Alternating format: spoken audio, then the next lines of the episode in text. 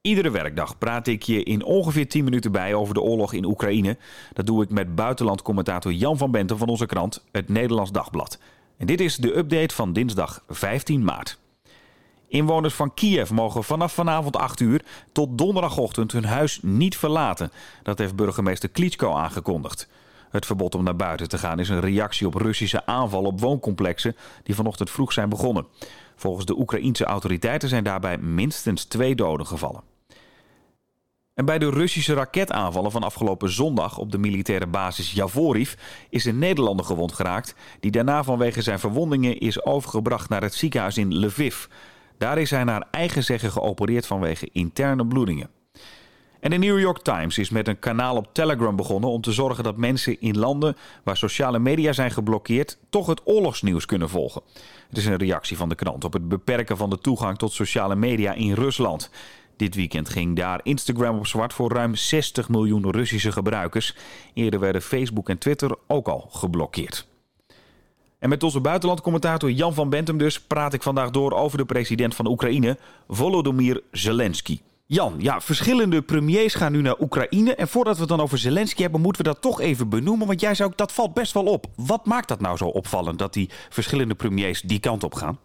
Nou, je hebt het dan in, concreet over de premiers van Polen, eh, van Slovenië en van Tsjechië. Die van Tsjechië heeft eh, wat dat betreft de lead genomen, ook, ook naar buiten toe. Dat is eh, premier Fiala. Ja, en ze gaan per trein naar Kiev, naar een oorlogsgebied. Kiev is zwaar beschoten de afgelopen dagen. En ook gisteren weer en vanmorgen. En daar ga jij dan naartoe. Dus die neemt best een risico. Zij nemen een boodschap van de Europese Unie met zich mee. Dat ze de EU echt achter Oekraïne staat, het wil steunen. Ook, ook, op alle mogelijke manieren overleg wil plegen. Hoe kunnen we dat doen? Uh, met ook in het achterhoofd wel dat het risico als het conflict uit de hand loopt, militair, en de NAVO bij betrokken zou raken, dan dan nog een veel groter conflict krijgt. Dat is de waarschuwing bijvoorbeeld van de Raad van Europa, de Raad van Regeringsleiders. Um, maar ja, dit, dit doe je in oorlogstijd. En dat, dat is wel even een, een, een boodschap, ook aan het Kremlin. En een boodschap aan Zelensky dus van wij steunen jou vanuit de, vanuit de EU. Het is voor veel mensen de grote held van deze oorlog. Uh, ja, voordat we daarover doorpraten, even terug naar het begin. Hij is sinds mei 2019 president van Oekraïne. Hoe is hij precies aan de macht gekomen? Hoe heeft hij die verkiezingen destijds gewonnen? Eh, door teleurstelling over zijn voorganger, Poroshenko, president Poroshenko. Die was na de revolutie in 2014 in Maidan verkozen tot president. Ook op de belofte om de corruptie aan te pakken. Maar Poroshenko was ten eerste zelf een groot fabrikant. Die had een snoepfabriek en ook gebakjes en dergelijke. Het Poroshenko-gebak werd wel eens spottend gezegd dat de Oekraïners dan zouden eten. Um, en hij wist niet echt los te komen van die kliek van toch wel corrupte oligarchen die veel te zeggen hebben in Oekraïne. En dat had Zelensky uh, wel goed door. Dat was ook het thema waarop hij campagne voerde. Hè. Ik pak de corruptie aan. Ik zal volstrekt eerlijk zijn, zei hij. Um, zelf was hij acteur. Uh, in een, ook in een televisieserie waarin hij een geschiedenisleraar speelde. Die serie heet Dina van Volk. Uh, die geschiedenisleraar werd dan min of meer per toeval uh, president van het land. En eigenlijk lijkt het een beetje op Ronald Reagan. Ook een televisieacteur die, die heel goed zeg maar, de taal van het volk kon spreken en wist aan te spreken. Zelensky kan dat dus heel erg goed. En hij beloofde natuurlijk ook van ik ga die corruptie wel aanpakken. Is dat hem eigenlijk gelukt? Nou, daar is hij nauwelijks echt goed aan toegekomen, omdat een ander belangrijk punt van zijn verkiezingen was goede of betere relaties met Rusland en een eind maken aan de oorlog in het oosten van de Oekraïne. En die uh, is nu daar al acht jaar gaande. En dat heeft al meer dan 13.000 of 14.000 doden gekost. Ja, dat begon dan zeg maar uh, ten tijde van hè, de, de, de verovering van de Krim bijvoorbeeld. Ja, dat ging tegelijkertijd, begon die oorlog daar. Ja. Nou, hij heeft op dat terrein in het begin best wel wat stappen weten te zetten. Hij heeft een gevangenruil met Rusland weten te bereiken. Gevangen genomen en Oekraïnse zeelieden vrijgelaten door Rusland. En in ruil daarvoor, zeg maar, mensen die aan de Russische opstand, af de kant van de pro-Russische opstandelingen vochten, die zijn dan naar Rusland gegaan. Waaronder ook een verdachte die betrokken was bij de MH17-affaire, het neerschieten van de MH17. Nou, daarnaast uh, heeft hij wel geprobeerd om ook, nou, dat, dat was ook zijn sterke punt, hij spreekt Russisch. En hij sprak dus ook de inwoners van Oost-Oekraïne sterk aan. En hij wilde daar wel degelijk een oplossing zoeken. Dus die hoop hadden mensen ook. Maar die hoop, daar had hij natuurlijk Rusland bij nodig. En wat dat betreft, uh, zei op het moment dat hij verkozen werd, toenmalig VVD-Europarlementariër Hans van Balen al. Hans van Balen die is beroemd hè, die op, van het optreden op het Maidanplein in 2014.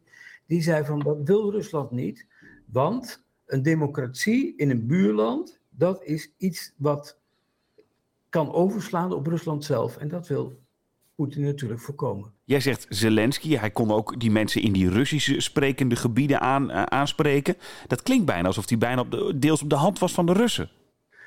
Nou, hij wilde minder confrontatie met de Russen. En er zijn ook verschillende topontmoetingen geweest. Maar toen merkte hij al heel snel, al eind 2019, dat Poetin de voorstellen die hij deed om zeg maar, nader tot elkaar te komen, ging opknippen, zoals Zelensky dat omschreef, in details. En de details weer ging opknippen in woorden en dan vervolgens over ieder woord ging liggen kissenbissen. Poetin wilde niet. Die wilde geen stabiele staat naast de deur, waar een democratische verkiezing werd gehouden en het volk eigen lijst kon kiezen. Was dat niet naïef dan van Zelensky dat hij dacht: ik kan Poetin misschien wel overhalen?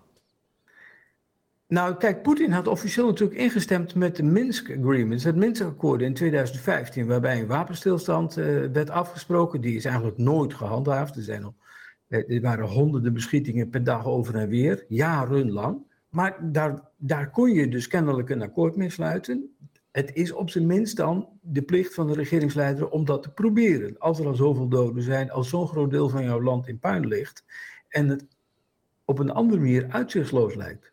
Nou is die ontzettend populair nu. Hoe komt dat? Nou ja, hij heeft laten zien, uh, denk aan die, die Europese uh, premiers die er nu naartoe gaan, naar Kiev, naar het oorlogsgebied. Hij blijft er.